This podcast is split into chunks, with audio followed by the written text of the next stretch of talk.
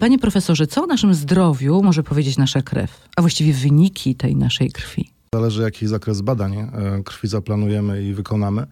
Badaniem najbardziej podstawowym jest badanie morfologii krwi, czyli e, odsetka i liczby poszczególnych rodzajów krwinek. I wynik tego badania jest w stanie zidentyfikować większość chorób hematologicznych, czyli chorób szpiku i chorób krwi, zarówno tych nowotworowych, jak i nienowotworowych.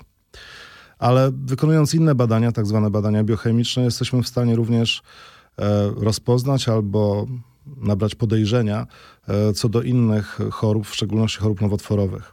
Służą temu badania tak zwanych markerów, na przykład dla raka prostaty takim markerem jest e, białko PSA, dla raka elita grubego CEA.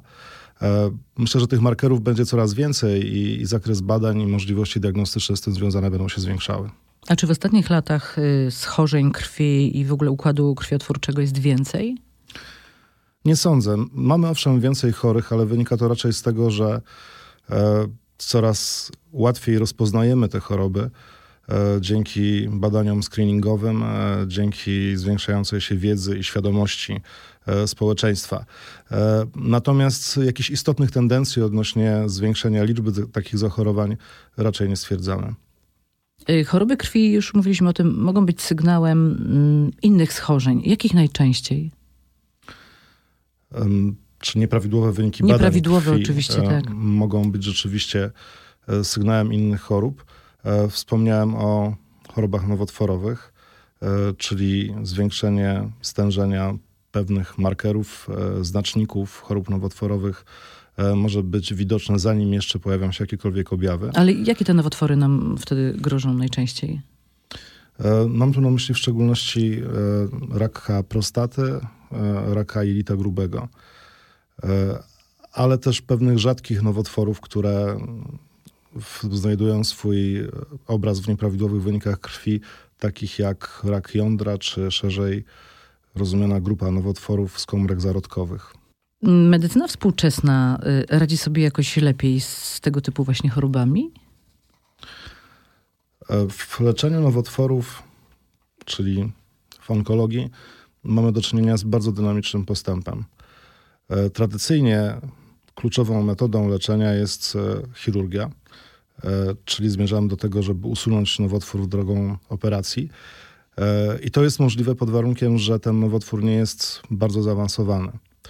E, w określonych sytuacjach można zastąpić albo uzupełnić chirurgię napromienianiem, czyli radioterapią. E, natomiast w przypadku nowotworów, które są rozsiane, czyli niemożliwe jest ich usunięcie radykalne, e, stosuje się leczenie systemowe, którym tradycyjnie była chemioterapia. Skuteczność tej chemioterapii zależała od rodzaju nowotworów. W niektórych nowotworach, takich jak chłoniaki czy białaczki, ona była względnie duża, natomiast e, w tak zwanych nowotworach litych, jak rak piersi czy rak jelita grubego, niestety raczej mała. E, natomiast współcześnie mamy do czynienia, jak powiedziałem, z bardzo intensywnym rozwojem innych gałęzi leczenia nowotworów i takim najbardziej spektakularnym przykładem jest immunoterapia. Na czym ona polega? Immunoterapia to próba wykorzystania komórek układu odpornościowego z tym, żeby zwalczały Powtórzę to zdanie. E, immunoterapia to próba wykorzystania układu odpornościowego do zwalczania komórek nowotworowych. E, musimy mieć świadomość, że każdego dnia w naszym organizmie takich komórek nowotworowych powstaje bardzo dużo, tysiące, ale one są skutecznie rozpoznawane i niszczone przez komórki naszego własnego układu odpornościowego. E, w określonych sytuacjach ten układ odpornościowy może coś przeoczyć, może na chwilkę przysnąć i, i te komórki nowotworowe się wymykają. Jeżeli jest ich już dużo, to układ odpornościowy nie daje sobie z tym rady. Jeżeli jest ich bardzo dużo, to wręcz udaje, że tego nowotworu nie widzi. E, Immunoterapia ma za zadanie wzbudzić te komórki układu odpornościowego, wyrwać je z tego snu i pobudzić do walki z nowotworem. I współcześnie mamy już narzędzia, które pozwalają nam tego dokonać, czyli wyzwolić te siły odpornościowe tak, żeby skutecznie z komórkami nowotworowymi, nawet w zaawansowanej fazie, walczyły. Jakie powinniśmy wykonywać te podstawowe badania, żeby w porę zapobiec y, chorobie, jeżeli chodzi o krew? jeżeli myślimy o chorobach nowotworowych, to... W ogóle o wszystkich chorobach. O wszystkich chorobach. W szczególności oczywiście nowotworowe są najgroźniejsze, tak?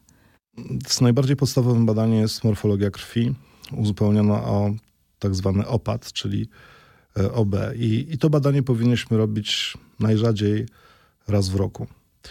E, natomiast jest szereg innych badań, badań biochemicznych, które pozwalają na rozpoznanie chorób takich jak cukrzyca, e, czy zaburzenia metaboliczne, zaburzenia dotyczące różnych rodzajów tłuszczów we krwi. Mam tu na myśli badania cholesterolu, badanie trójglicerydów. E, również badania funkcji nerek, czyli badanie kreatyniny, e, elektrolitów, sodu, potasu e, powinno się wykonywać, aczkolwiek tutaj ta częstość może być mniejsza u osób młodych. To wszystko są choroby, które najczęściej rozwijają się jednak w wieku podeszłym.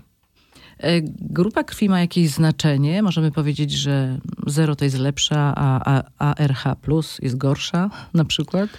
Takie obiegowe opinie rzeczywiście panują, aczkolwiek badań, które jednoznacznie wykazywałyby związek grup krwi e, z określonymi chorobami, a w szczególności chorobami nowotworowymi, e, właściwie nie ma.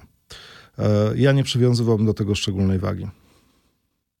Mamy w Polsce jeden z największych banków na świecie dawców szpiku, prawda? Z czego to wynika? To prawda. Jest to coś, co rozwinęło się w ciągu ostatniej dekady. Tych dawców w Polsce jest już w tej chwili zarejestrowanych ponad półtora miliona. E, i zajmujemy pod tym względem szóste miejsce w świecie, a w przeliczeniu na liczbę mieszkańców myślę, że drugie za rejestrem niemieckim. E, to jest bardzo komfortowa sytuacja, dlatego że w sytuacji, kiedy takiego dawcy potrzebujemy, czyli mamy pacjenta chorego, który wymaga transplantacji szpiku, który nie ma właściwego dawcy rodzinnego, stosunkowo łatwo możemy zidentyfikować w obrębie naszego kraju odpowiednią dla niego osobę. A jak zostać dawcą szpiku? Każdy z nas może być? Przypomnijmy może te informacje dla niektórych, może one są y, wiedzą osoby, jak to zrobić, ale myślę, że to jednak ta wiedza jest mała. Należy się zgłosić, czy zgłosić swoją wolę e, bycia wolontariuszem w jednym z rejestrów. E, największym, jeżeli chodzi o liczbę zarejestrowanych dawców, jest e, Fundacja DKMS, ale można się też zgłosić do dowolnej stacji krwiodawstwa która przekazuje te dane do Poltransplantu, czyli takiej centralnej agencji rządowej koordynującej te sprawy. E, dawcą musi być osoba zdrowa w rozumieniu takim, że nie choruje na, żadną, na żaden nowotwór e, i nie jest nosicielem jakiejś przewlekłej infekcji. Chodzi o to, że, żeby nie przenieść choroby od dawcy do biorcy. Natomiast te badania, e, jeżeli są jakieś wątpliwości, oczywiście te badania są, są wykonywane już na etapie ostatecznej kwalifikacji takiej osoby. Natomiast wolę można wyrazić oczywiście wcześniej. E, trzeba powiedzieć, że oddawanie szpiku nie jest szczególnie traumatycznym e, wydarzeniem. Współcześnie najczęściej pobiera się komórki szpikowe z krwi, wyławia się je z krwi. To wymaga stymulacji, to znaczy podawania przez 4 dni takich zastrzyków podskórnych, które powodują, że komórki macierzyste przechodzą ze szpiku do krwi. E, I później w piątym dniu e, dawca podłącza się do takiego aparatu, który e, pobiera krew, odsącza tę frakcję, tę część krwi, w której te komórki macierzyste się znajdują, a oddaje wszystko, wszystko, co do przeszczepu nie jest potrzebne. E, trzeba mieć świadomość, że szpik jest tkanką, która się bardzo szybko odnawia. I taki pobór komórek nie wiąże się z żadną trwałą utratą e, i nie niesie ze sobą praktycznie żadnych konsekwencji. Na co dzień jest pan kierownikiem Kliniki Transplantacji Szpiku i Onkohematologii w Gliwicach. Aktywnie też pan działa jako prezes Stowarzyszenia Polskiej Grupy do Spraw Leczenia Białaczek u Dorosłych, Polskiej Grupy Badawczej Chłoniaków. E, kiedy znajduje pan czas na to, by pisać piosenki? Teksty piosenek? Nie. Bo musimy powiedzieć, że jest pan również wokalistą, członkiem zespołu. Jakiego? E, zespół nazywa się Authenticos. Mhm. E, i składa się z sześciu muzyków. Oprócz mnie e, gitarzystą jest jeszcze mój kolega z kliniki, który swego czasu był liderem e, zespołu w czasach studenckich. A poza tym są to muzycy zawodowi, którzy no myślę, bardzo podnoszą jakość Rozumiem, naszych wykonań. pan pisze piosenki i śpiewa. O czym są te piosenki? Tematyka jest bardzo różna. E, Najszerzej ujmując, e, dotyczy współczesności świata, tego jak ja go postrzegam i jak ja przeżywam pewne zjawiska w e, tym świecie i w życiu, ale często ma to charakter humorystyczny, pastiszowy. Czy pisanie piosenek y, uspokaja pana?